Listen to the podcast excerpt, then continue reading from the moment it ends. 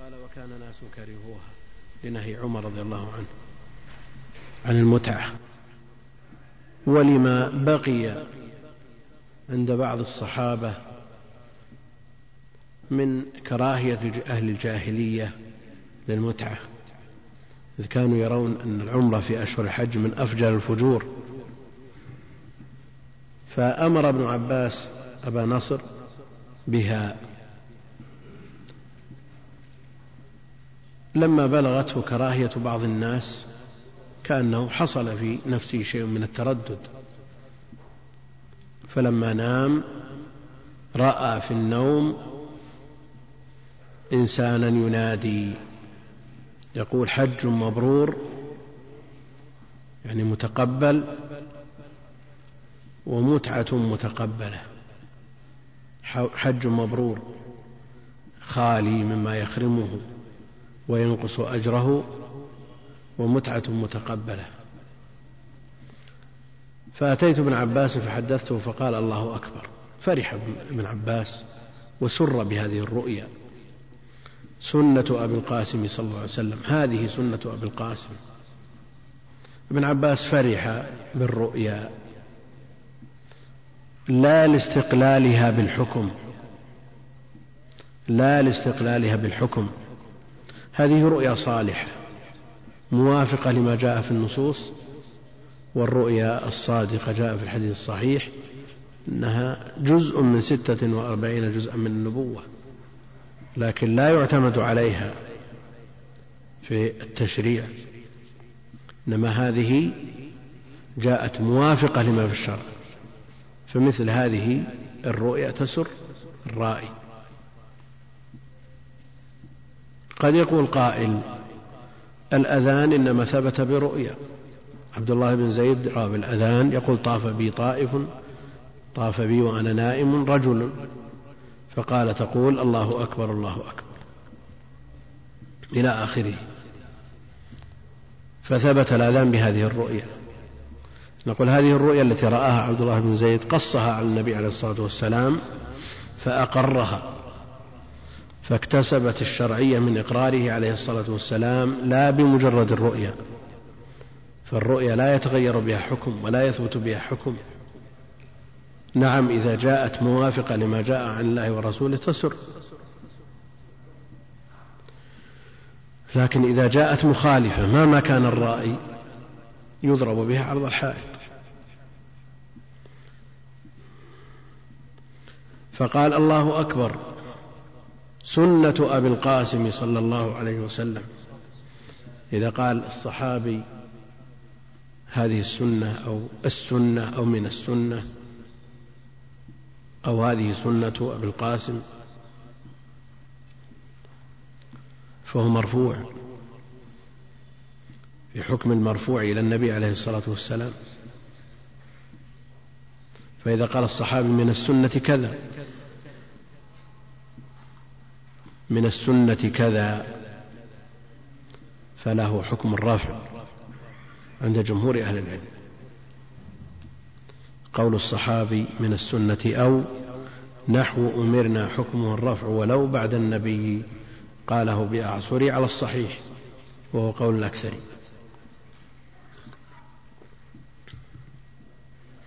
والمتعة وجه أو أحد الأنساك الثلاثة. التمتع والإفراد والقران. المتعة والتمتع عبارة عن الإتيان بالعمرة في أشهر الحج ثم الحج في السنة نفسها. هذا هو التمتع. ويطلق التمتع بمعناه الأعم فيشمل القران. الذي هو الإتيان بالنسكين معا من غير فصل التمتع في فصل فاصل بين الحج والعمرة القران يقرن بينهما ويأتي بأفعالهما متداخلة على ما سيأتي وأما الإفراد فهو الإحرام بالحج وحده.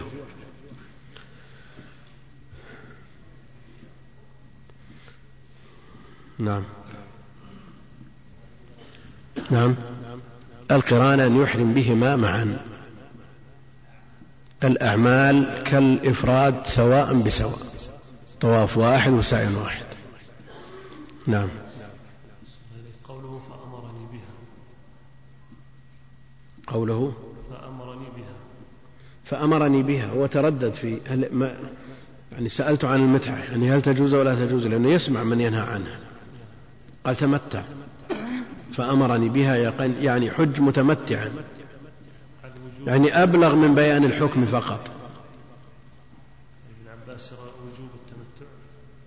نعم يذكر عنه وجوب التمتع. وهذا قول لجمع من أهل العلم. لأن النبي عليه الصلاة والسلام أمر أصحابه أن يجعلوها عمرة على ما سيأتي. نعم.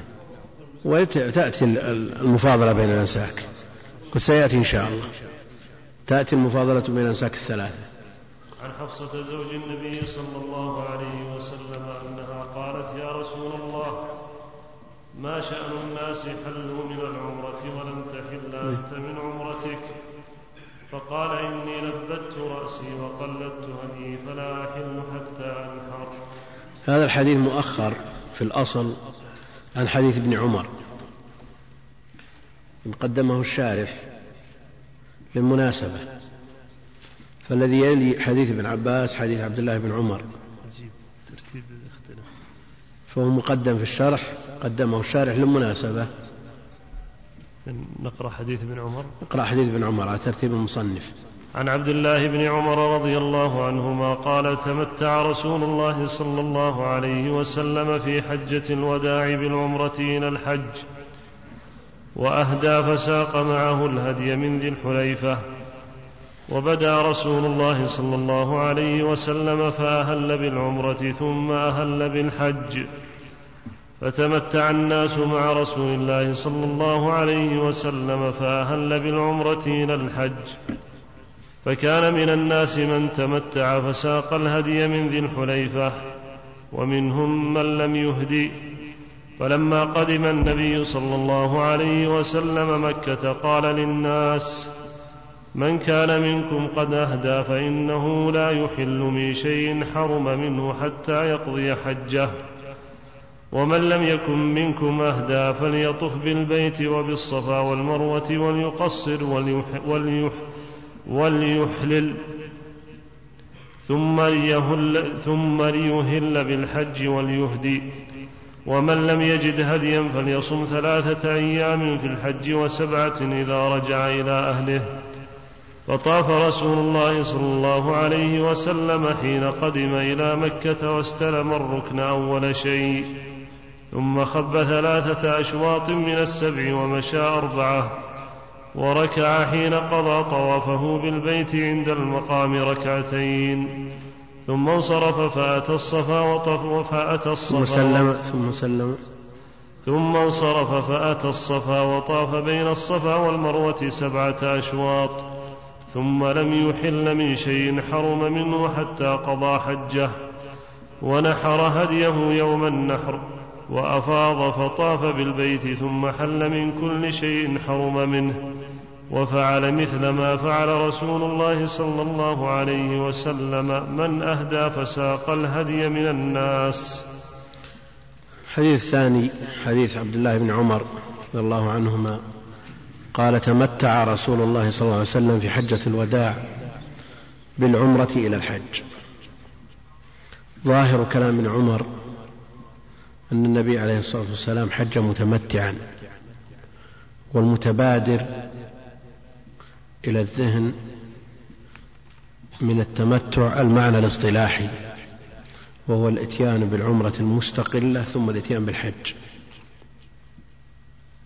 وقد اختلفت الروايات وجاء عن الصحابة بأسانيد صحيحة أنه تمتع عليه الصلاة والسلام وجاء عنهم أنه حج قارنا وجاء عنهم أنه أفرد الحج وكلها صحيحة ثابتة عن الصحابة رضوان الله عليهم.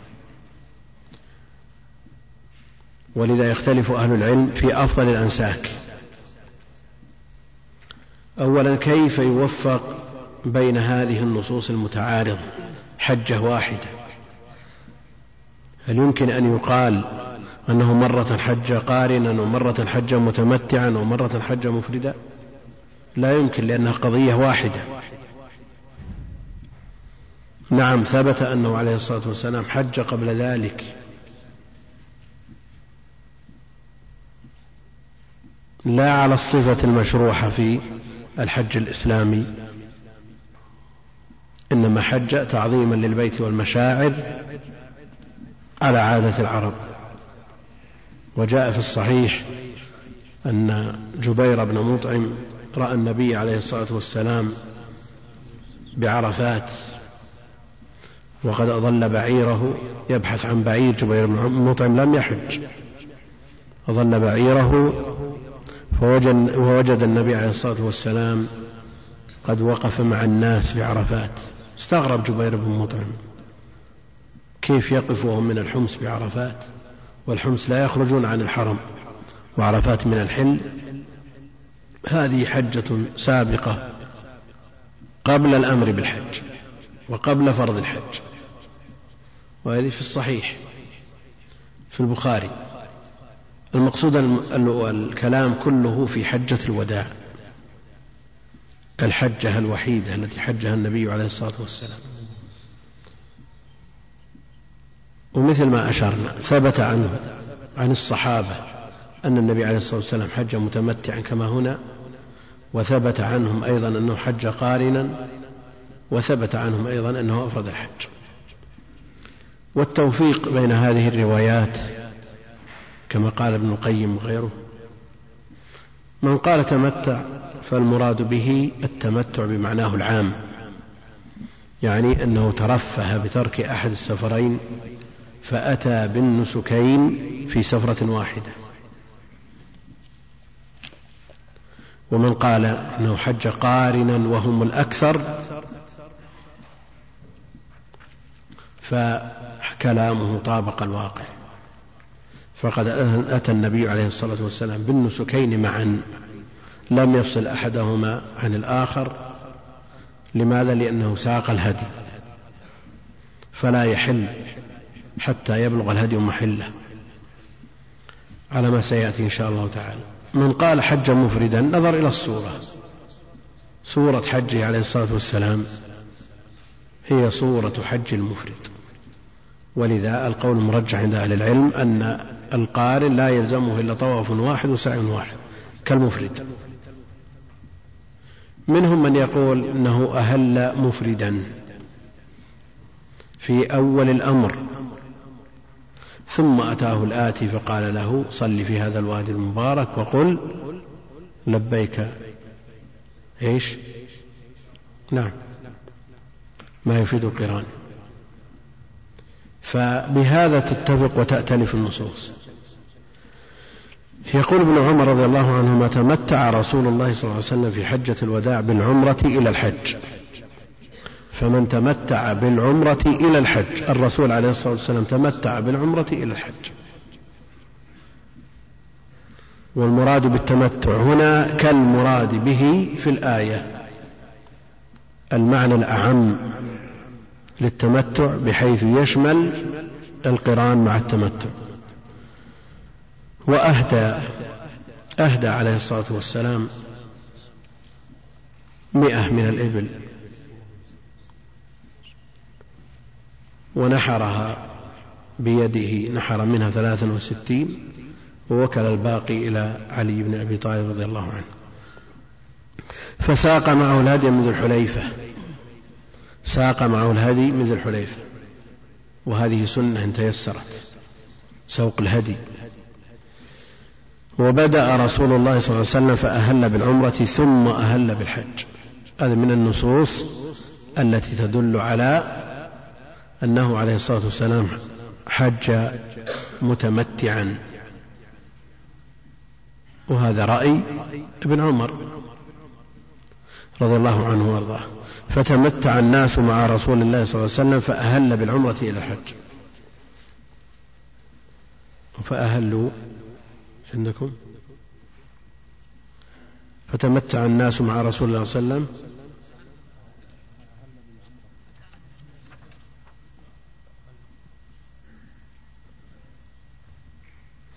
نعم.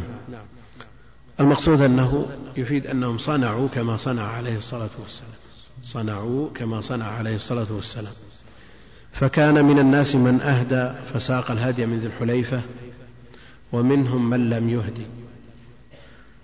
فلما قدم النبي عليه الصلاة والسلام مكة قال للناس من كان منكم أهدى فإنه لا يحل من شيء حرم منه حتى يقضي حجه. من أهدى لا يجوز له أن يحل حتى يبلغ الهدي محله. ومتى يبلغ الهدي محله؟ في يوم العيد. وفيه الإحلال. فلا يحل له حينئذ شيء حتى يبلغ الهدي محله. هذا بالنسبة لمن ساق الهدي. ولذا يتعين على من ساق الهدي أن يقرن إن أراد أن يجمع بين النسكين. إن أراد أن يجمع بين النسكين.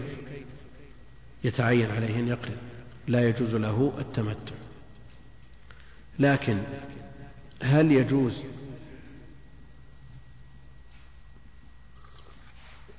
أو هل يمكن أن يتمتع من ساق الهدي هل يتصور؟ يقول أفضل الأنساك التمتع. والنبي عليه الصلاة والسلام أمر أصحابه به. والمحظور في سوق التمتع حلق الرأس. يقول أتمتع. أحرم بالعمرة ثم أطوف وأسعى للعمرة لكن لا أحلق رأسي حتى يبلغ الهدي محله. ثم في يوم التروية أحرم بالحج. وهو باق على إحرامه ثم يأتي بالحج كاملا. يتصور ولا يتصور؟ نعم.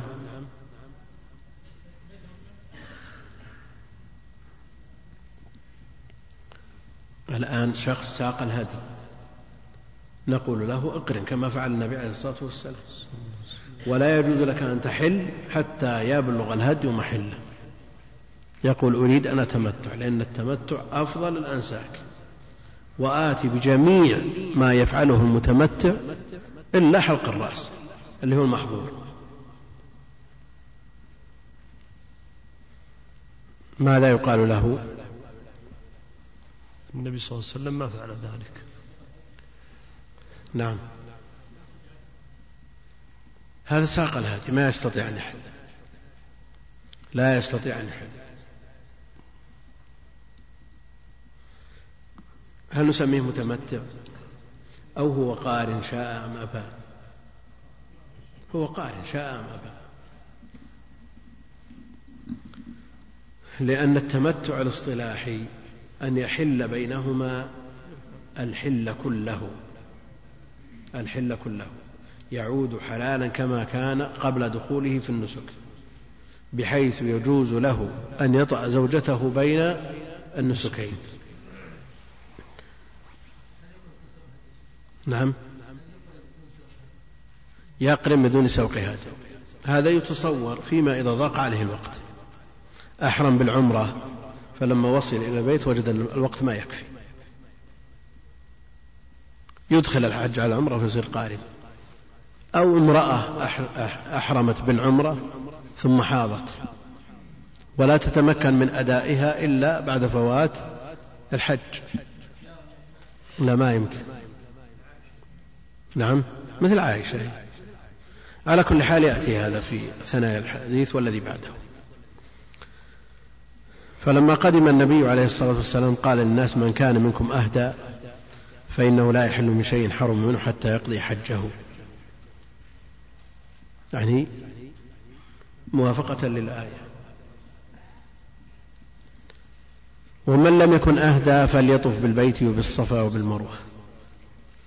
وليقصر وليحلل. هذا قاله بعد الطواف عليه الصلاة والسلام. من لم يكن أهدى فليطف. اللام لام. أمر الأمر. فليطف بالبيت وبالصفا والمروة وليقصر وليحلل. ثم ليهل بالحج يعني بعد ذلك في يوم التروية ليكون متمتعا.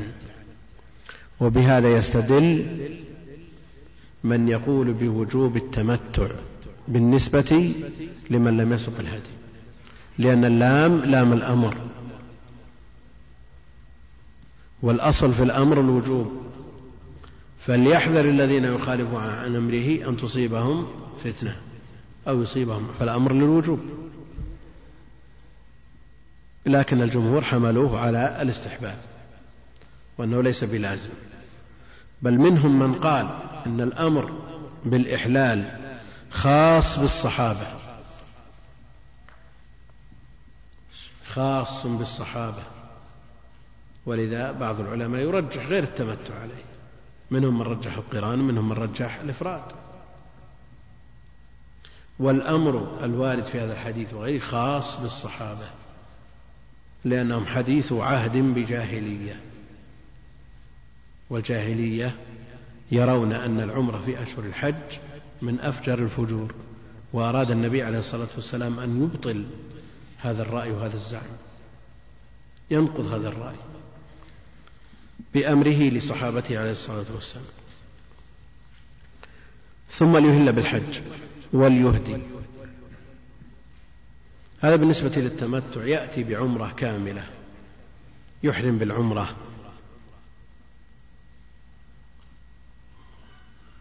ثم يأتي بها بأفعالها كاملة.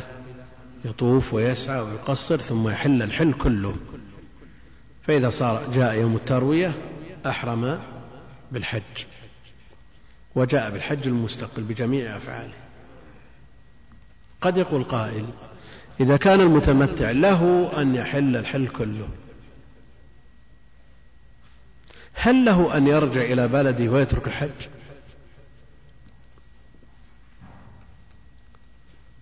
لما جاء إلى أحرم بالعمرة وفي نيته التمتع أحرم بالعمرة. فحل الحل كله.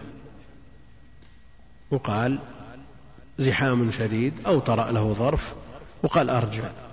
ما دام لي الحل كله ما الذي يلزمني بالحج قبل الدخول فيه؟ هل له أن يرجع ولا ليس له أن يرجع؟ ليس له. نعم. وما دخل في الحج؟ هو تم العمرة. نعم. له أن يرجع. إنه ما شرع في الحج. لكنه قال ناوي التمتع. ولو نوى نعم. لبى بالحج ما لبى إلى الآن. ما لبى بالحج يلبي بالحج في اليوم الثامن يوم التروية افترض أنه جاء في اليوم الأول وأدى العمرة وجلس بيجلس أسبوع بدون عمل.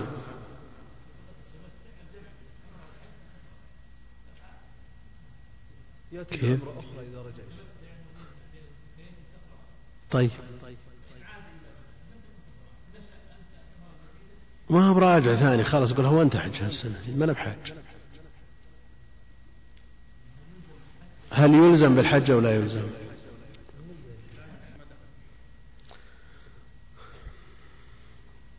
شو يقولون الأخوان؟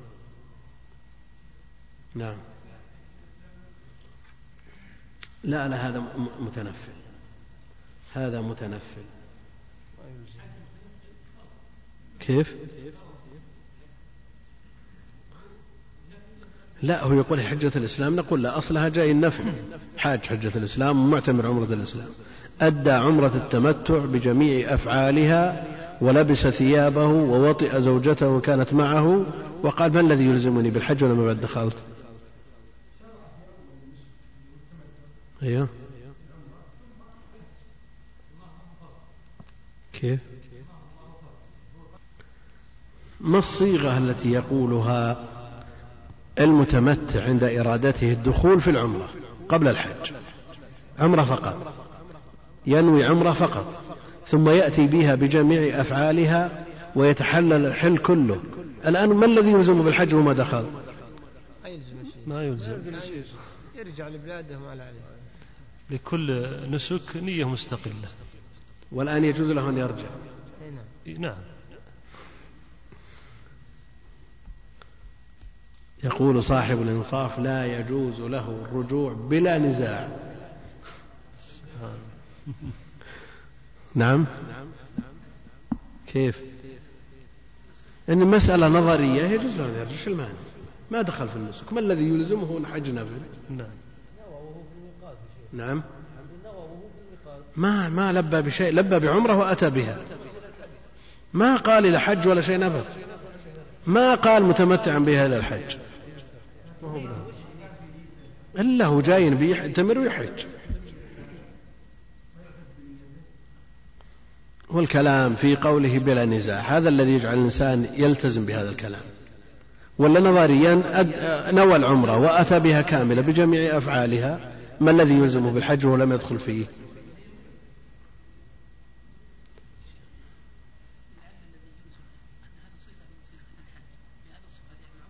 يعني إنما جاء للحج.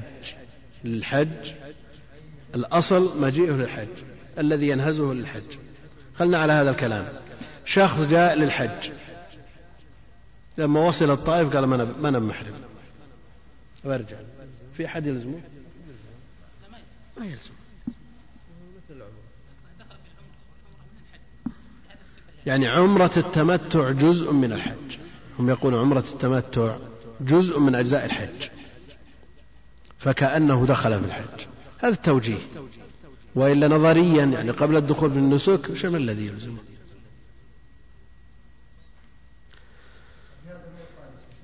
شو شو قال إيش؟ يلزمه الحج بلا نزاع. من نازع العلم ما عندهم نزاع؟ على أن العمرة جزء من حج المتمتع. نعم. صاحب الإنصاف قال بلا نزاع. على كل حال ما وقفت على أحد خالف في هذا أبدا. له ذلك نعم. له أن يرجع إلى بلده وبهذا ينقطع التمتع لا يلزمه دم إذا رجع إلى بلده. نعم ينقطع التمتع. سفر جليل الحج وهذا يقوي الكلام النظري. لأنه إذا وصل بلده وقد حج حجة الإسلام. من يجب عليه حجة, حجة ثانية؟ كل هذه إشكالات تحتاج إلى بحث في إطار عدم النزاع أيضا. ما نبعد نخالف أهل العلم أبدا. نعم؟ لكنها تحتاج إلى إجابة.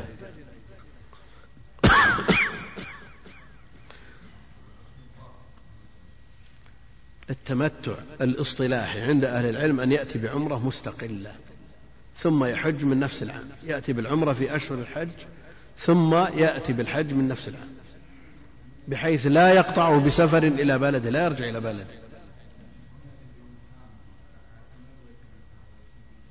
يسمى متى لو جاء في اليوم التاسع وأدى العمرة كاملة وتحلل منها ثم أهل بالحج متمتع. كيف؟ كيف أقل؟ أقل أن يؤدي العمرة بطوافها وسعيها والتقصير ثم يهل بالحج يعني بين النسكين قصده يا شيخ. كيف؟ العلماء يقول له أن يرجع. نعم.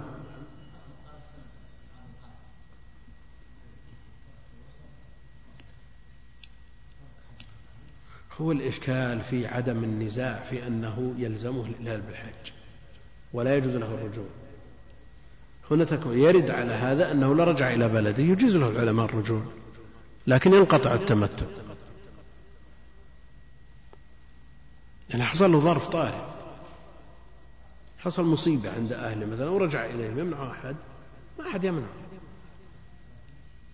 يلزمه الرجوع على كلامه في عدم يلزمه أن يرجع. الله شيخ على كلام صاحب الإنصاف. يبقى وين؟ محرم يعني. شلون يبقى؟ لو رجع. حل من العمرة لا لا لا حل الحل كله بين النسكين. ما في أحد يلزمه بشيء بين النسكين يحل الحل كله. نعم. إيه؟ لكن كونه يقول بلا نزاع. أن أنه يلزمه الحج في هذه السنة. لأن العمرة جزء من أجزاء الحج الذي جاء من أجله. لكن لو ما رجع إيش يترتب عليه؟ نقول ما الذي يلزمه بحج وقد أدى الفريضة؟ نعم كونه دخل في الحج ملزم أتم الحج والعمرة. لكن المفترض أنه ما دخل في الحج إلا أنه دخل بجزء من أجزائه هو العمرة التي ينوي بعدها الحج. لا لا لا هم يلزمون. ما, ما استثنوا شيء. ما استثنوا شيء. ما دام دخل بعمرة في نيته التمتع يلزمه أن يهل بالحج من السنة نفسها. ولا كثير هذا يحصل. كثير من الناس لكن بعض الناس يرجع وهو محرم. ما كمل الحج وبعضهم ما كمل العمرة إذا شاف الزحام. فمن باب أولى أنه إذا حل الحل كله يرجع إلى أهله. يكون بالخيار. أحسن الله إليك. هل يجوز للمتمتع أن يرجع إلى بلده؟ ما الذي يمنعه؟ السفر ما يمنعه منه. لكنه إذا رجع إلى بلده انقطع التمتع. إي نعم. ينقطع التمتع. إذا كان مريدا للتمتع. على كلامهم ما في ما يمنع. يعني الشيخ إذا تمتع. نعم. وأدى العمرة. إذا تمتع وأدى العمرة. يجوز له قبل شغل في الطائف ويرجع الأسفار لحاجة ما ما فيها إشكال عندهم. لكن إن كانت دون مسافة قصر إن كانت دون مسافة قصر التمتع باقي. إذا كانت أكثر من مسافة قصر عند الأكثر ينقطع التمتع. يعيد عمرة جديدة. والظاهر أنه لا ينقطع التمتع إلا إذا رجع إلى بلده. يعني لو طرأ, طرأ له سفر للمدينة مثلا نعم. ما زال في إطار الحج وأعماله. والله المستعان.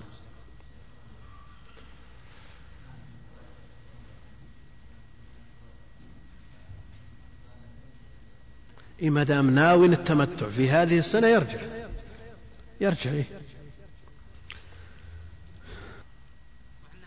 لا هو الآن ما يلزم إلا الحج. الحج اعتمر انتهى أدى العمرة. لا يلزم ولا يقول ثم ليهل بالحج يعني في يوم التروية كما فعل النبي عليه الصلاة والسلام كما فعل الصحابة الذين معه بل أمرهم بالإحلال الذين لم يسوقوا الهدي بأمره عليه الصلاة والسلام. فمن لم يجد هديا فليصم ثلاثة أيام في الحج وسبعة إذا رجع إلى أهله. صم ثلاثة أيام والأولى أن تكون قبل عرفة. يعني على هذا يحرم بالحج متى؟ في السادس يصوم السادس والسابع والثامن.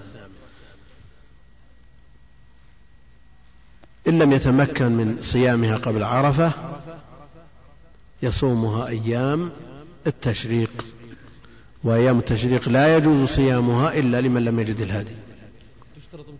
متتالية شيء ثلاثة أيام ما في ما فيه ذكر الشرط والقيد وإنما هي ثلاثة أيام لكن هي بقدر أيام التشريق يعني إن فاتته قبل. السادس والثامن ويوم من أيام التشريق. يعني ما ما تمكن. يعني في اليوم السادس يرجو أن يجد الهدي. اليوم السابع عنده ظرف أو طارئ أو شيء حاجة حصلت أو يرجو أن يجد الهدي مثلا. ما ما غلب على ظنه أنه لن يجد الهدي إلا في اليوم السابع ليلة السابع صام السابع والثامن ويوم من أيام التشريق. الأولى أن تكون متوالي هذا الأولى. لكن فرقها لا أرى ما يمنع. نعم.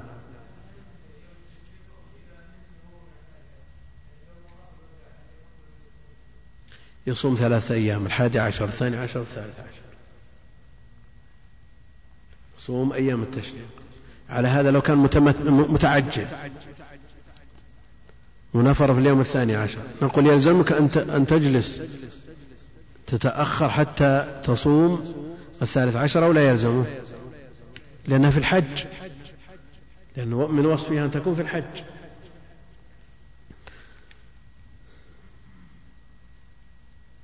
وسبعة إذا رجع إلى أهله كما جاء في الآية. فطاف رسول الله صلى الله عليه وسلم حين قدم إلى مكة واستلم الركن أول شيء ثم خب ثلاثة أشواط من السبع ومشى أربعا. الطواف الذي طافه النبي عليه الصلاة والسلام هو طواف القدوم. طواف القدوم.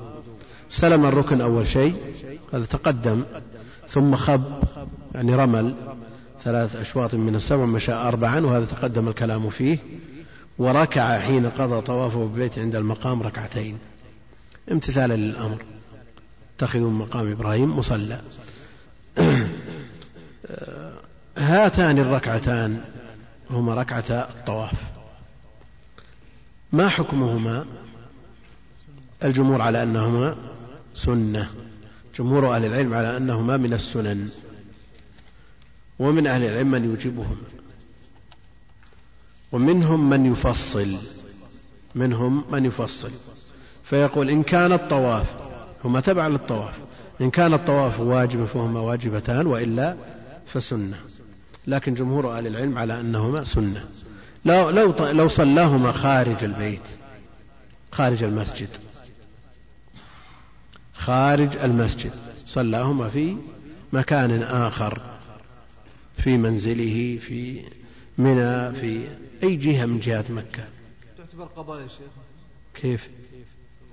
صارت خارج المسجد. يجوز ولا ما يجوز؟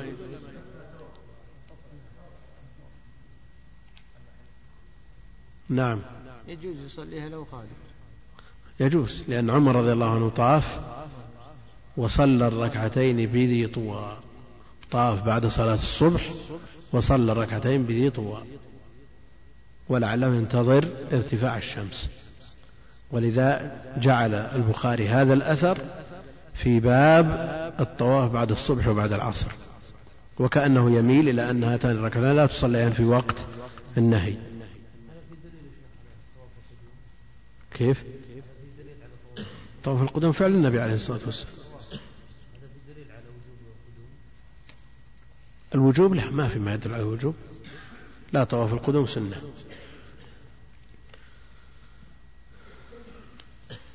ثم سلم وانصرف فأتى الصفا. فطاف بالصفا والمروة سبعة أشواط. يبدأ بالصفا وينتهي بالمروة.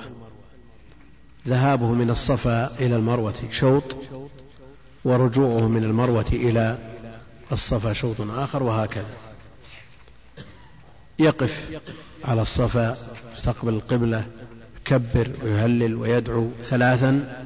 يطيل الدعاء ومثله على المروة كما في حديث جابر في صفة حج النبي عليه الصلاة والسلام. ثم لم يحل من شيء. حلق أو قصر ولم يحل أو لم يحلق. لم يحلق لم يحلق. لماذا؟ لأنه ساق الهدي لأنه ساق الهدي. ثبت عن معاوية أنه قال قصرت قصرت عن النبي عليه الصلاة والسلام على المروة بمشقص. ها. نعم. الإجابة نعم. في إحدى عمره عليه الصلاة والسلام نعم. في عمرة من العمر ولعلها عمرة القضاء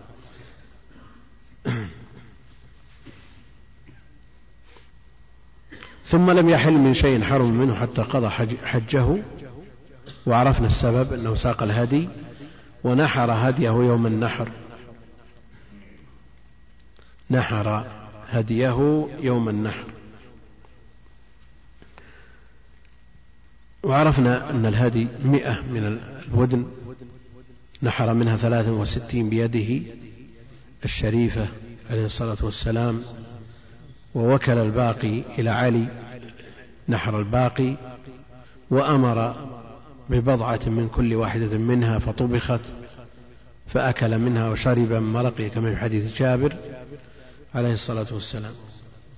ونحر هديه وأفاض فطاف بالبيت. وكل هذا بعد الوقوف والمبيت بمزدلفة والرمي وأيضا ها النحر والحلق ثم بعد ذلك أفاض فطاف أفاض فطاف البيت. وهذا الطواف ركن الحج سمى طواف الإفاضة. ثم حل من كل شيء حرم منه حل الحل كله. لماذا؟ لأنه فعل الثلاثة كلها. رمى وحلق لا. طاف. لكن لو فعل اثنين رمى وحلق ولم يفض حل التحلل الأول. فإذا أضاف إليه الثالث نعم حل التحلل الثاني. ثم حل من كل شيء حرم منه لأنه فعل الثلاثة كلها. وفعل مثل ما فعل رسول الله صلى الله عليه وسلم من أهدى فساق الهدي من الناس. لأنه قال من كان منكم معه هدي فلا يحل حتى يبلغ الهدي محل. ومن لم يكن معه هدي فليجعلها عمرة يعني يطوف ويسعى ثم يقصر. من أحرم بإحرام كإحرام النبي عليه الصلاة والسلام ماذا يصنع؟ إذا أحرم علي رضي الله عنه وأبو موسى كل منهما بهذه النية. لبيك بإهلالك أو بإحرامك كإحرام النبي عليه الصلاة والسلام. نعم. لا يتم التحلل حتى إلا بعد بعد نعم. أهل بما لماذا لم يسق يدريك أنه ما سق جاء من اليمن واليمن ما فيها هدي ولا نعم. علي ما ساق هدي؟ نعم. كيف؟ علي ساق الهدي أبو موسى ما ساق الهدي. وهنا يحصل التفريق بينهم. ولذا أمر عليا أن يبقى على إحرامه وأمر أبا موسى بالإحلال. وهل يسوغ مثل هذا اليوم أن يقال لبيك بإهلال كإهلال فلان؟ نعم. لماذا؟ لأن علم هدي النبي صلى الله عليه وسلم نعم هو علم هدي النبي عليه الصلاة والسلام لكنه في إطار الأنساك الجائزة. الأنساك الثلاثة كلها جائزة عند أهل العلم والخلاف في الأفضل منها. لبيك بإهلال كإهلال فلان.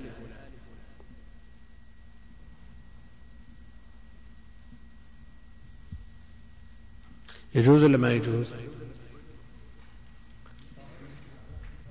لا لا من من المعاصرين. هو ما يعرف كيف يحج. فقال إذا لقيت فلان بسوي مثله عالم من العلماء يريد أن يقتدي به كما فعل علي وأبو موسى. أحسن الله إليك. نعم. أقول لو لم يتلفظ بالإهلال.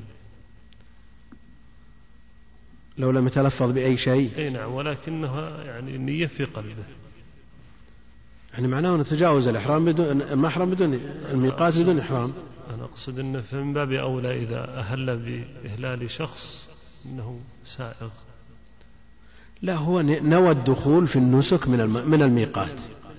يعني يختلف عن شخص لم يتكلم إطلاقا. هذاك نقول تجاوزت الميقات بدون إحرام. وهذا أهل ولبى بإحرام كإحرام فلان. والاحتمالات كثيرة. احتمال يكون فلان ما حج السنة هذه. احتمال أن يبحث عنه ولا يجده. احتمال أن يجده. أنت أورد هذه الاحتمالات كلها وأجب عنها واحدا بعد الواحد نعم. لو أحرم بإحرام مطلق. نعم. له أن يحرم مطلقا وقبل الطواف يصرفه إلى ما شاء. له أن يحرم بالإطلاق ثم يصرفه قبل الطواف لما شاء من الأنساك. صيغة الإطلاق يا شيخ. وين؟ إلى أتى الميقات. صيغته وينوي الدخول في النسك نسك مطلق مع التلبية. حديث حفصة زوج النبي عليه الصلاة والسلام الذي قدمه. الشارح عندكم قبل حديث ابن عمر. يقول عن حفصة زوج النبي صلى الله عليه وسلم أنها قالت يا رسول الله ما شأن الناس حلوا من العمرة؟ ولم تحل أنت من عمرتك. قال إني لبت رأسي وقلدت هدي فلا أحل حتى أنحر. يعني امتثالا لما جاء في القرآن حتى يبلغ الهدي محله. ومعروف حكم من ساق الهدي أنه لا يجوز له أن يحل حتى يبلغ الهدي محله ولذا لا يجوز له أن يتمتع. نعم الحديث الذي يليه تلبيد أحسن الله إليك. نعم. أقول التلبيد الرأس. تلبيد الرأس بشيء يتماسك به بحيث لا يشعث. نعم. يلتم إما بزيت أو بعسل أو شيء من هذا. لكن ما علاقته بالنسك. نعم. ما علاقته بالنسك؟ هم ما دام أحرم من من أبيار عالي كم يحتاج من يوم حتى يصل إلى إلى إلى إلى مكة؟ كم يحتاج إلى يوم إلى, إلى أن يحلق الشعر؟ تصور خمس لخمس بقينا من القعدة ثم بعد ذلك عشرة أيام ليحل خمسة عشر يوم. فإذا كان الشعر مرسل يؤذيه. لكن إذا لا نعم. ليس له لا لا ليس له علاقة لكنه أيسر. يتعب لو كان غير ملبد. نعم. الحديث الذي يليه. عن عمران بن حسين رضي الله عنه قال أنزلت آية المتعة في كتاب الله ففعلناها مع رسول الله صلى الله عليه وسلم ولم ينزل قرآن بحرمتها ولم ينه عنها حتى مات فقال رجل برأيه ما شاء. قال البخاري يقال إنه عمر. ولمسلم نزلت آية المتعة يعني متعة الحج. وأمرنا بها رسول الله صلى الله عليه وسلم ثم لم تنزل آية تنسخ آية متعة الحج. ولم ينه عنها حتى مات ولهما بمعناه حديث عمران بن حسين رضي الله عنه قال أنزلت آية المتعة. فمن تمتع بالعمرة إلى الحج إلى آخره. في كتاب الله ففعلناها مع رسول الله صلى الله عليه وسلم بل بأمره عليه الصلاة والسلام. أمر النبي عليه الصلاة والسلام من لم يسق الهدي أن يتمتع. ففعلناها مع رسول الله صلى الله عليه وسلم ولم ينزل قرآن بحرمتها. يعني توفي رسول الله صلى الله عليه وسلم والأمر على ذلك. فقال رجل برأيه ما شاء. هذا الرجل؟ بينه الإمام البخاري وأنه عمر رضي الله عنه كان ينهى عن المتعة. لئلا ينقطع ترداد الناس على هذا البيت المعظم. يعني يهجر البيت في غير وقت الحج. إذا كان الإنسان يأتي بالنسكين في سفرة واحدة لا يضطر أن يسافر ثانية للعمرة. هذا اجتهاد من عمر رضي الله عنه. والاجتهاد إذا كان مخالفا للنصوص الصحيحة الثابتة مهما كان قائله. عليكم بسنتي وسنة الخلفاء الراشدين المهديين من بعد اقتدوا بالذين من بعدي. متى؟ إذا لم يكن هناك نص. نأخذ بقول أبي بكر وعمر. لكن إذا خفي النص أو اجتهد عمر ورأى أن للاجتهاد مسرح في مثل هذه المسائل ورأى غيره أنه لا اجتهاد مع النص كما هو قول جماهير أهل العلم فالعبرة بالمرفوع ولا يلتفت حينئذ إلى الموقوف. ولو كان قائله عمر رضي الله عنه. هذا اجتهاد من عمر ولا عمر ليس بالمعصوم. قد يقول قائل عمر له اجتهادات كثيرة. عمل بها أهل العلم كإمضاء الثلاث في الطلاق. جمهور أهل العلم على قول عمر. مع أن الأمر في عهد النبي عليه الصلاة والسلام وعهد أبي بكر وصدر من خلافة عمر على خلافه. ماذا نقول؟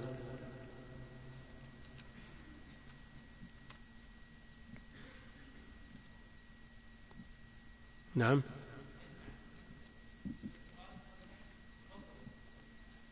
لا ينهى عن التمتع وينهى عنه اجتهادا منه ليكثر الوافد إلى البيت ويتكرر طول العام. الوفود إلى البيت. ولذا يقول ابن عباس لما نوقش في هذه المسألة يوشك أن تنزل عليكم حجارة من السماء. أقول قال رسول الله وتقولون قال أبو بكر وعمر؟ نعم. كيف يعارض قول الرسول عليه الصلاة والسلام بقول أبي بكر وعمر؟ وهما هما أبو بكر وعمر اقتدوا بالذين من بعدي. ويأتي من يأتي ممن يزعم أنه حامل راية الدعوة ولواءها. ويقول حديث لن يفلح قوم ولوا أمرهم امرأة وهو في البخاري يقول ليس بصحيح. الواقع يشهد بخلافه. طيب ليس بصحيح معارض بقول أبي بكر وعمر؟ لنضرب بقولهما عرض الحائط؟ لا معارض بأي شيء. يقول جولدمائير هزمت العرب. تاتشر قادة الإنجليز. انديرا غاندي قادة الهنود ونجحت وبعدين بمثل هذا تعارض النصوص. نسأل الله السلامة والعافية. ومثله كثير. مثله كثير. نسأل الله السلامة والعافية. لكن لا نقول بقول من يقول والبدعة مرفوضة ولو كانت من عمر. عمر ما ابتدع. هذا يرى أن للاجتهاد فيه مجال وأخطأ في اجتهاده. ويقوله في شأن التراويح. لما قال عمر نعمة البدعة قال بعض الشراح والبدعة مرفوضة ولو كانت من عمر. وقررنا سابقا أنها ليست ببدعة لا لغوية ولا شرعية. والله المستعان.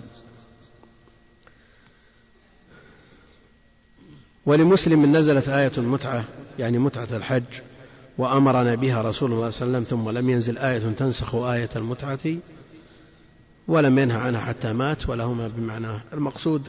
هذا السؤال يقول لماذا لم يذكر المصنف حديث جابر مع أنه أجمع حديث في الحج؟ نعم. جابر وصف حجة النبي عليه الصلاة والسلام من خروجه من بيته إلى رجوعه إليه. بأجود سياق. نقول الحديث من أفراد مسلم والمؤلف اشترط أن يكون الحديث مما اتفق عليه. نعم إن احتاج إلى بيان لفظة أو زيادة أو شيء من هذا قد يأتي بما تفرد به أحدهما. لكن لا يأتي بحديث مستقل من أحدهما. شرطه أن يكون الحديث الصحيحين. نعم باب الهدي كيف؟ نعم نأتي إلى المفاضلة بين الأنساك الثلاثة. نعم المفاضلة بين الأنساك الثلاثة. عرفنا أن من أهل العلم من يوجب التمتع لأمر النبي عليه الصلاة والسلام به. ومنهم من يرى أن التمتع مفضول وأن الأمر خاص بالصحابة. مالك والشافعي في أحد قوليه يرى رجحان الإفراد وأبو حنيفة يرى القران وأحمد يرى التمتع. حجة الإمام أحمد أن النبي عليه الصلاة والسلام أمر به وأبو حنيفة يقول النبي عليه الصلاة والسلام حج قارنا ولم يكن الله ليختار لنبيه إلا الأفضل. وأما من يرى الإفراد يقول الأمر به خاص بالصحابة والإتيان بالحج بسفرة مستقلة أفضل. مالك وقول الشافعي ويقول شيخ الإسلام رحمه الله تعالى من أتى بالحج مفردا بسفر مستقل والعمرة فلا كان أفضل اتفاقا. نقل على ذلك الإجماع. والمسألة مفترضة. في شخص يقول أنا لا أحج ولا أعتمر لمرة واحدة. حجة الإسلام مرة واحدة ولن أتنفل. عمرة الإسلام مرة واحدة ولن أتنفل. نقول الإفراد أفضل اتفاقا في هذه الصورة. لكن شخص يقول أنا أريد أن أكرر العمرة أتي بالعمرة كيفما اتفق؟ فهل أحرم متمتع أو قارن أو مفرد نقول احرم متمتع لأنها زيادة شيخ الإسلام ينقل الاتفاق على أن من أتى بالحج بسفر مستقل يعني مفرد أفضل اتفاقا. وأقول قول شيخ الإسلام مفترض في شخص لن يزيد على ما افترض الله عليه. فهل يأتي بالحج والعمرة في سفر واحد أو بسفرين؟ نقول بسفرين. يميل بعض أهل التحقيق إلى أن التمتع أفضل لمن لم يسق الهدي والقران أفضل لمن ساق الهدي. وهذا فيه شيء من التوفيق بين النصوص. وعلى هذا إذا قلنا بتفضيل التمتع مطلقا هل يفضل سوق الهدي أو يكون مفضول؟ مفضول. على قول من يرجح التمتع مطلقا يقول الأفضل لا تسوق هدي ولذا قال النبي عليه الصلاة والسلام لو استقبلت من أمري ما استدبرت إيش؟ لما سقت الهدي لما سقت الهدي ولجعلتها عمرة. وعلى هذا لا يستحب سوق الهدي بل يأتي بالتمتع ويريق الدم في وقته دم المتعة. وشو؟ النبي عليه الصلاة والسلام إلا الأفضل نعم. الذي يرى القرآن يقول النبي عليه الصلاة والسلام حج قارنا ولم يكن الله ليختار لنبيه إلا الأفضل. نقول هو أفضل بالنسبة لمن كانت حالته كحال النبي عليه الصلاة والسلام لمن ساق الهدي. لمن ساق الهدي فعلا ساق الهدي ثم جاء يسأل نقول أقرن. بل قد يتعين عليه القرآن. إن لم يختار الإفراد. لأن التمتع ليس متصور لا يتصور في حقه على ما ذكرنا. نعم. قول النبي صلى الله عليه وسلم لو استقبلت من ما استدبرت نعم. يدل على أن هذا يعني نسخ. النسخ؟ نسخ لفعله يعني في المستقبل انه لا يفعل ذلك لو لا هذا يدل على الترجيح على التر... على الرجحان على الرجحان من أهل العلم من يقول أنه قال هذا كلام تطييبا لخاطر أصحابه. أمرهم بأن يحلوا وهو لم يحل. يعني هل مبرر المبرر أن يكون مجرد سوق الهدي؟ أو لا بد أن يدعمه بكلام يقويه؟ مثل قوله لو استقبلت من أمري ما استدبرت إلى آخره. يعني مثل في الحديبية لما أمرهم بحلق رؤوسهم ما استجابوا. استجابوا معاندة ولا رجاء أن يؤدوا نسك العمرة في هذه السنة. طمعا في الخير. طمعا في الخير. لكن لما حلق رأسه عليه الصلاة والسلام حلقوا رؤوسه. ما عاد هناك خيار. نعم. نعم. حق من؟ المتمتع المكي يعني سوق هدي هل هناك متعة لحاضر المسجد الحرام؟ ذلك لمن لم يكن أهله حاضر المسجد الحرام. الضمير يعود إلى إيش؟ ذلك لا فاقي التمتع أو لزوم الهدي. الناشئ عن التمتع. أو أصل الهدي أو أصل التمتع. ذلك لمن لم يكن أهله حاضر المسجد الحرام. ذلك التمتع لمن لم يكن أهله حاضر المسجد الحرام. أو ذلك الهدي وجوب لزوم الهدي. الناشئ عن التمتع لمن لم يكن أهله حاضر المسجد الحرام. ولذا يختلف أهل العلم. هل للمكي أن يتمتع؟ وإذا تمتع ليس عليه هدي أو ليس له أن يتمتع أصلا. أو لا يتصور التمتع في حقه. إيش معنى التمتع؟ أن يأتي بالنسكين في سفر وهو لم يسافر لأحدهم. فلا يسمى متمتع. يأتي بعمرة عمرتين ثلاث خمس في أشهر الحج ثم يحج يصير لأن الهدي في مقابل الترفه بترك أحد السفرين وهو لم يسافر. فله أن يعتمر في أشهر الحج ويحج من عامه لكن لا يلزمه هدي نعم. الخلاف في مرجع اسم الإشارة. والخلاف لفظي. خلاف لفظي ما يلزم عليه شيء. منو؟ أي وش المانع؟ لأن الهدي في مقابل ترك أحد السفرين. هو ما سافر أصلا. نعم. أذان. باب الهدي.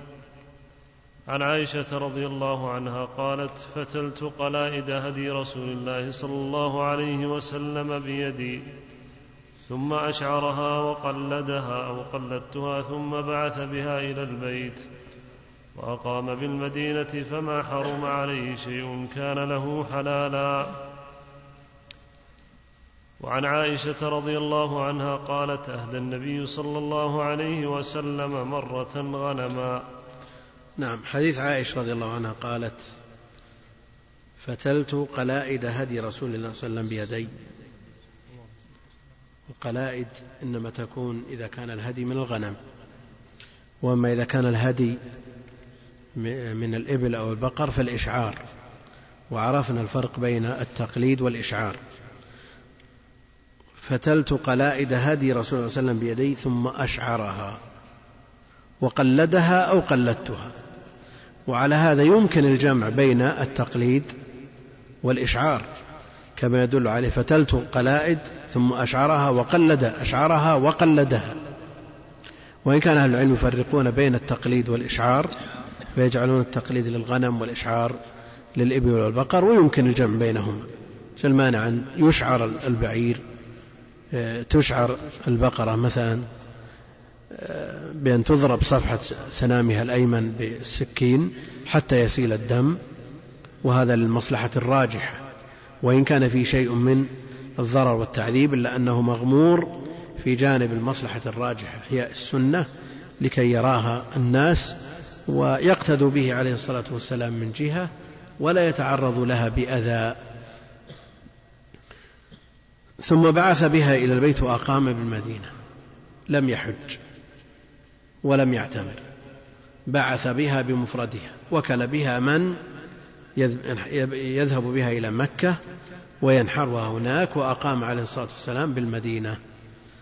فما حرم عليه شيء كان له حلا.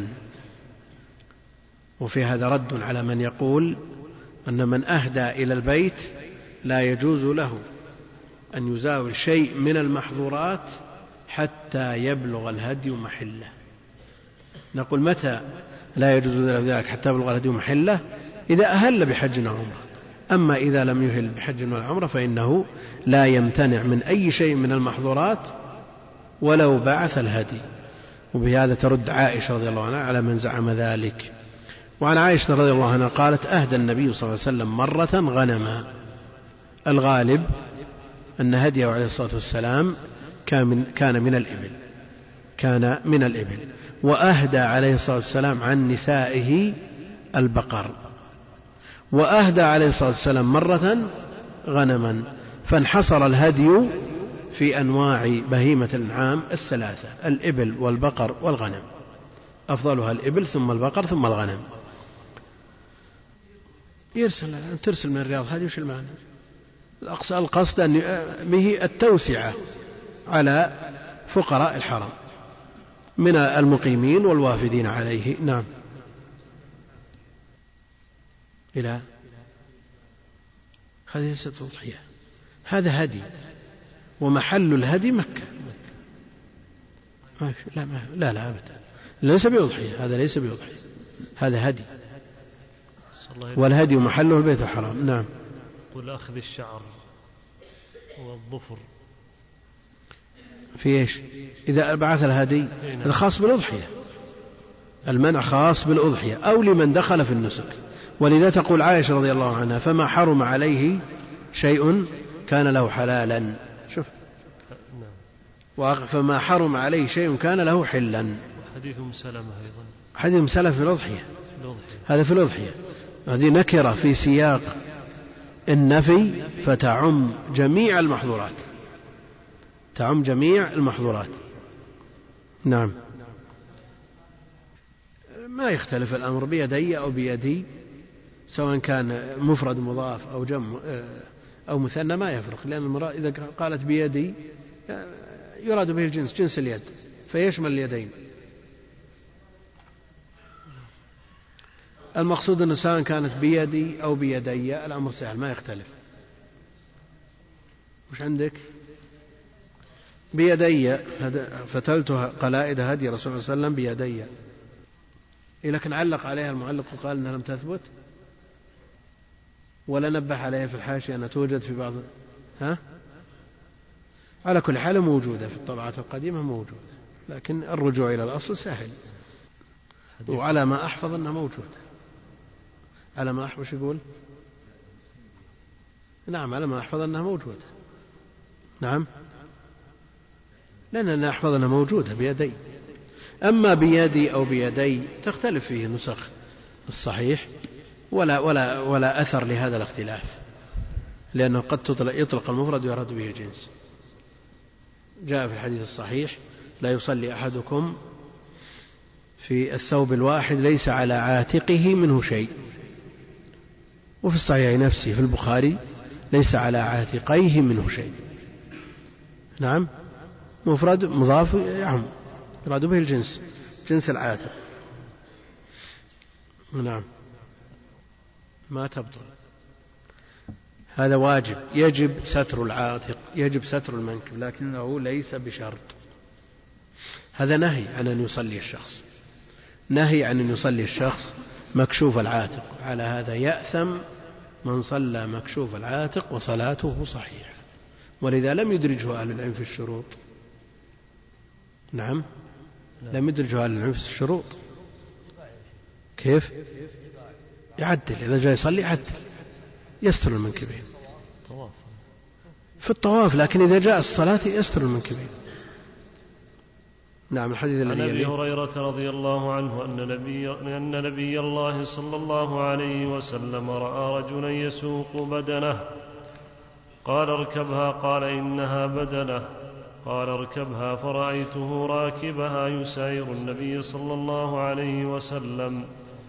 وفي لفظ قال في الثانية أو الثالثة اركبها ويلك أو ويحك. نعم حديث أبي هريرة في الإفادة مما أخرجه الإنسان من ماله لله عز وجل. هدي أو أضحية أخرج لله عز وجل. هل له أن يستفيد منه؟ وما مقدار هذه الإفادة؟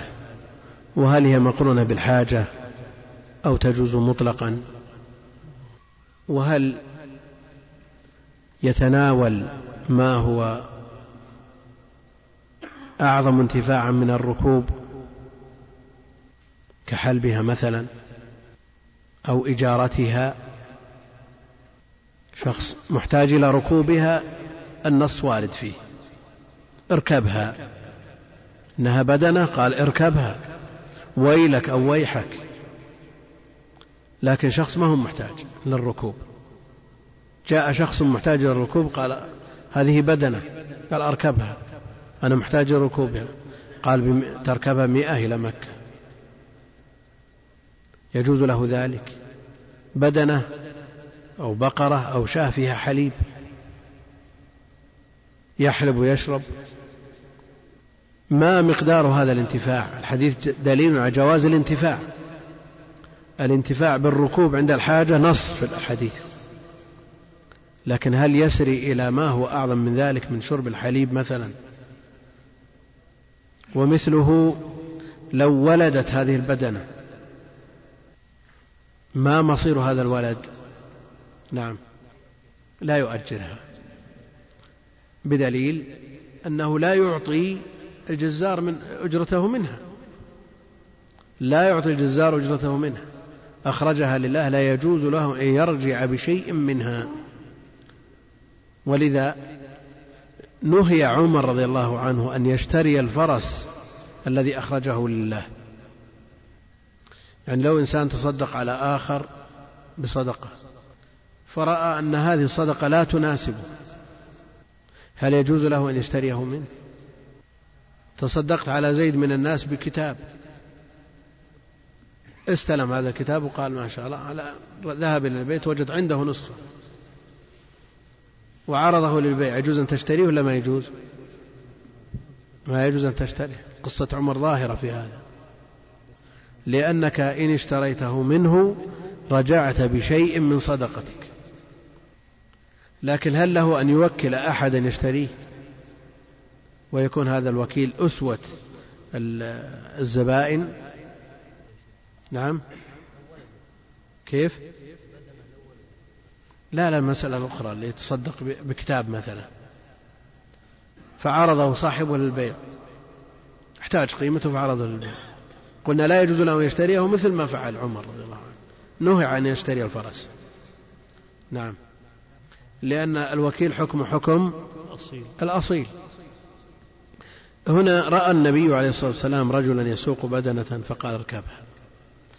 قال إنها بدنة. قال اركبها. فرأيته راكبا يساير النبي عليه الصلاة والسلام. اللبن. بدنة فيها لبن. وتتضرر ببقائه فيها. له أن يحلب. فإن كان محتاجا إليه فهو كالركوب. إن لم يحتاج إليه فليبعه ويتصدق بقيمته. نعم. صلى الله إليك نعم معا. سم. أقول هذه هدي هذه البدنة هدي. هدي إيه؟ يدل على أنها هدي بدنة قوله بدنة. عرف. البدنة تطلق على عرف عرف نعم تطلق على الهدي. نعم. نعم. في حكم البيع نعم. لا يجوز أن يؤجرها في حكم البيع. نعم. عندك؟ نعم. شو يقول؟ لكنه أضافها في الأصل. يعني لا توجد في النسخ أضافها من فتح الباري. له أن يفعل مثل هذا؟ لا هنا وضعها بين قوسين وضع حاشية. ما ينفع ما ينفع أبدا. ورواه البخاري الكلام على أصل عندك كتاب ألفه صاحب. يجوز أن تزيد عليه. زد في الحاشية ما شئت. أهل العلم يختلفون فيما إذا وجد الخطأ الذي لا يحتمل الصواب.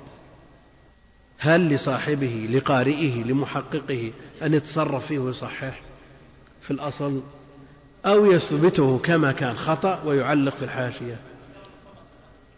يعني عنده نسخة أصلية فيها هذا ما أشار إلى هذا لا ما عنده شيء. إيش المعنى سقط من الأصل؟ هل عنده نسخ من العمدة فيها هذا الكلام؟ يقول أتممته من فتح الباري. ما قال أتممته من نسخة كذا من نسخة كذا. إذا أدخل في الكتاب.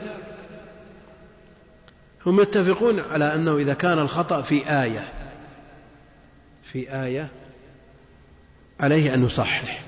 أما إذا كان الخطأ في كلام البشر ولو كان حديث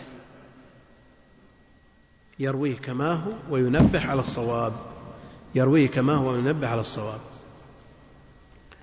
ومن أهل العلم من يرى أن له التصحيح وينبه على الخطأ في الحاشية. نعم. لكن ما يفتح الباب على مصراعيه لمن تصدى لأي أي شخص تصدى لأي كتاب يصحح ويزيد وينقص على حسب فهمه هو. لأنه قد يكون خطأ من جهة من في حسب فهمك أنت. يأتي بعدك من يستقيم له المعنى.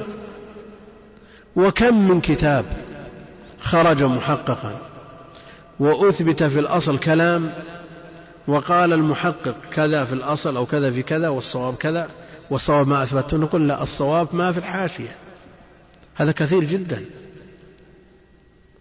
يعني لو فتح المجال للتصرف في الكتب مسخت الكتب فتبقى الكتب كما هي على مراد مؤلفيها ثم ينبه على الصواب الحاشية ما حد يمنعك من أن تكتب ما شئت.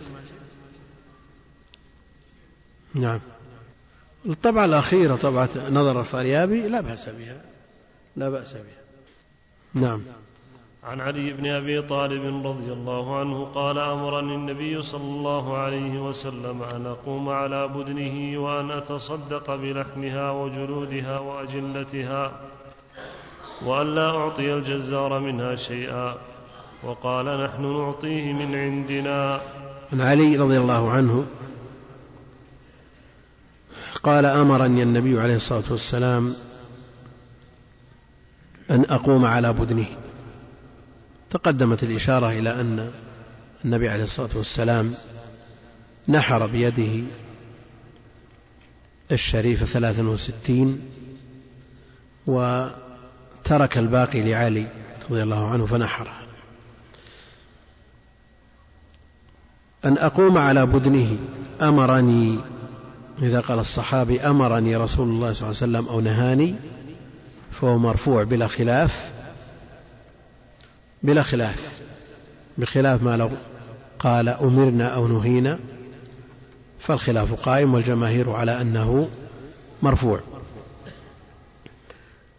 وأن أتصدق بلحمها وجلودها هذا الأصل في الهدي والأضاحي أن يتصدق بها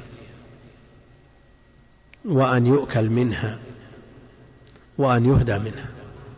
كلوا منها وأطعموا وأوجب بعض أهل العلم الأكل للأمر به. كلوا. ولذا أمر النبي عليه الصلاة والسلام ببضعة من كل واحدة منها فطبخت فأكل منها وشرب من مرقها. وأن أتصدق بلحمها وجلودها وأجلتها. يجوز لصاحبها أن ينتفع بالجلد لكن لا يجوز له أن يبيعه ولا يجوز له أن يبيع الجل والجلال والأفضل أن يتصدق به وأن لا أعطي الجزار منها شيئا. هذا إذا كان في مقابل الأجرة لأنه إذا أعطى الجزار في مقابل الأجرة رجع بشيء منها.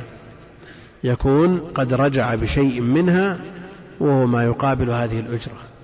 لكن لو اتصف الجزار بوصف من يتصدق عليه بأن كان فقيرا وأعطي الأجرة كاملة وتصدق عليه غير كغيره من الفقراء فلا بأس. الجلال الذي يوضع عليها نعم كساء يوضع عليها وأن لا يعطي الجزار منها شيئا وقال نحن نعطيه من عندنا. الأجرة يجب أن تكون من المؤجر.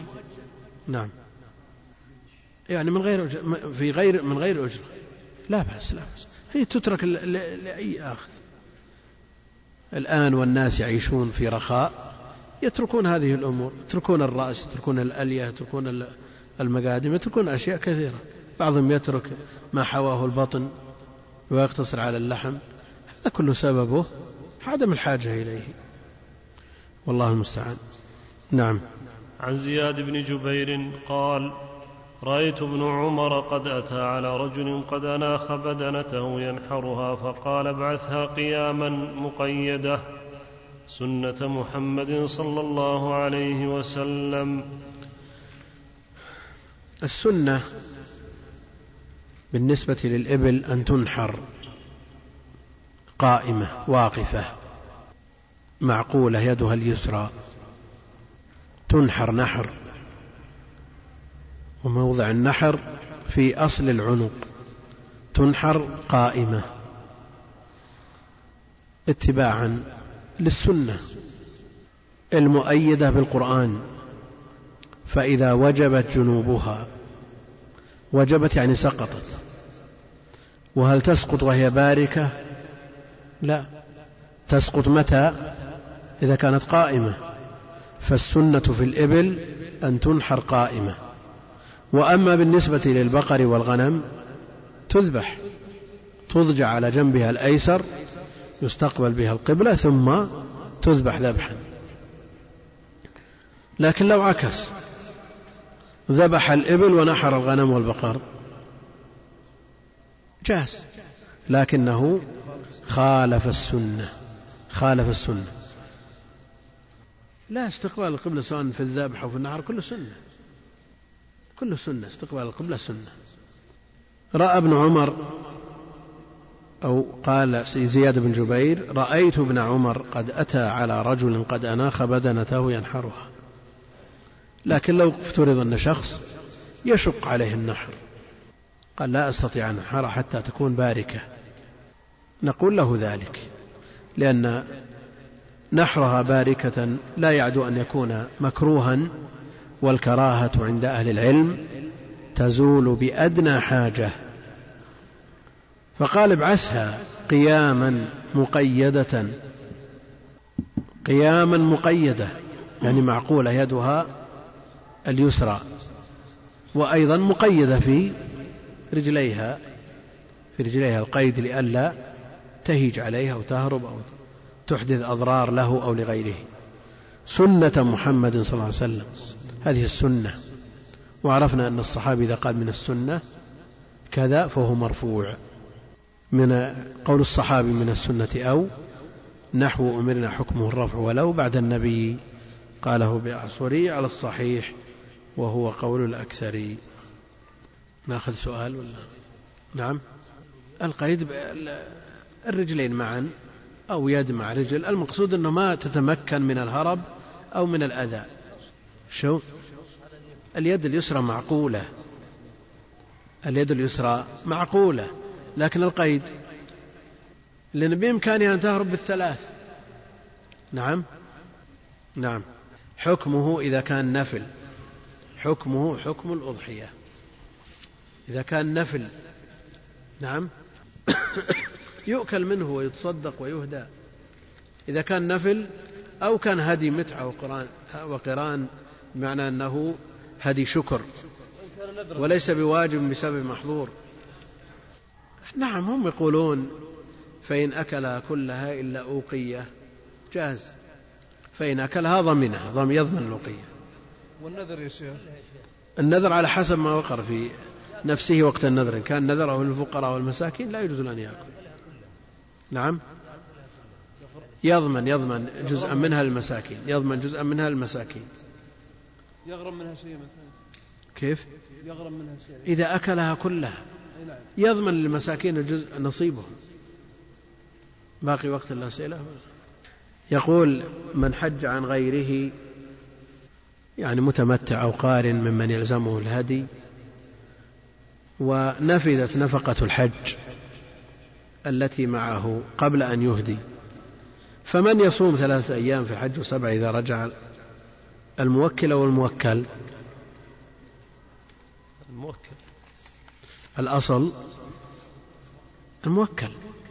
هو الذي يصوم. لا سيما إن إن حج بأجرة. على أن الحج لا يتجزأ. من تولى بعضه ويتولى الباقي. فمن حج عن غيره يلزمه أن يصوم عنه. يقول هل يجوز التحلل بفعل واحد من أفعال الحج؟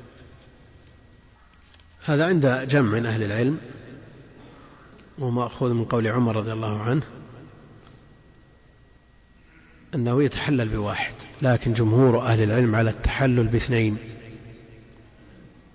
فإذا رميت وحلقت فقد حللت. هل كل من ساق الهدي يلزم؟ هل كل من ساق الهدي يلزم بالتمتع؟ ولماذا؟ قصد القران يلزم بعدم التمتع. إنما هو له أن يقرن وله أن يفرد. والقران في حقه أفضل لفعل النبي عليه الصلاة والسلام. نعم. يمكن. شو المعنى؟ كيف؟ إيه مسنون. ساق هذه معه مسنون. يذبحه إذا بلغ محله يوم العيد ولا يحل قبل ذلك. كيف؟ صورة حج القارن والمفرد لا فرق بينهم. لكن لو قال أنا, ما أنا قرنت العام الماضي بفرد هالسنة تقول لا بد أن تقرن؟ هو نيته. إيش يكون الهدي يا شيخ؟ واجب. كيف؟ في حقه مسنون لا. ليس بواجب. اللهم صل وسلم وبارك بسم الله الرحمن الرحيم. الحمد لله رب العالمين وصلى الله وسلم على نبينا محمد وعلى آله وصحبه أجمعين. أما بعد قال المؤلف رحمه الله تعالى باب الغسل للمحرم. عن عبد الله بن حنين أن عبد الله بن عباس رضي الله عنهما والمسور بن مخرمة اختلفا بالأبواء. فقال ابن عباس فقال ابن عباس يغسل المحرم رأسه وقال المسور لا يغسل المحرم رأسه.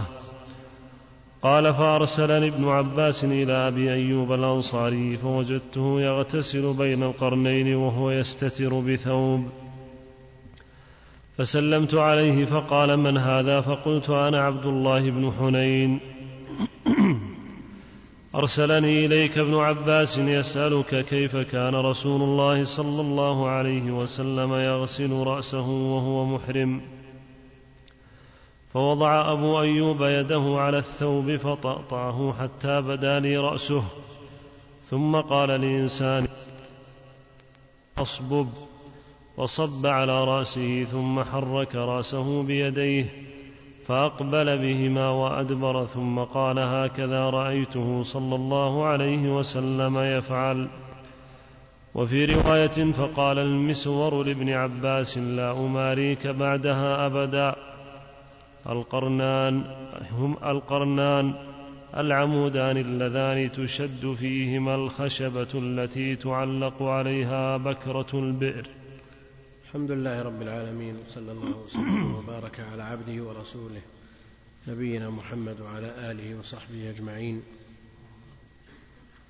باب يقول المؤلف رحمه الله تعالى باب الغسل للمحرم يعني بعد تلبسه بالإحرام. وليس المراد بهذا الباب الغسل للإحرام إنما بعد تلبس المحرم بالإحرام هل يغتسل أو لا يغتسل؟ هل يغسل رأسه أو لا يغسل رأسه؟ هذا هو سبب الإشكال الحاصل عند المسور حينما تمارى هو ابن عباس. يقول عبد الله بن حنين عن عبد الله بن حنين أن عبد الله بن عباس رضي الله عنهما والمسور بن مخرمة اختلفا بالأبواء. والأبواء مكان قريب من مستورة قريب منها جدا بالأبواء. فقال ابن عباس يغسل المحرم رأسه. وقال المسور لا يغسل المحرم رأسه. ابن عباس يرى أن المحرم يغسل رأسه والمسور يرى أنه لا يغسل رأسه.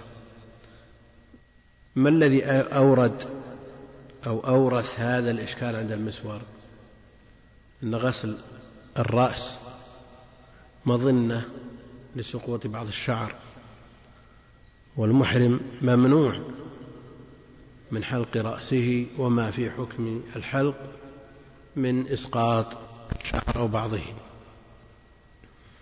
فقال, فقال ابن عباس يغسل المحرم رأسه وقال المسور لا يغسل المحرم رأسه. قال فأرسلني ابن عباس إلى أبي أيوب الأنصاري. أبو أيوب من كبار الصحابة وخيارهم ليكون مرجحا لأن كل من ابن عباس والمسور من الصحابة. يقول فوجدته يقول عبد الله بن حنين فوجدته يغتسل بين القرنين. الآن الخلاف في الغسل أو في غسل أو في غسل الرأس. نعم. غسل الرأس.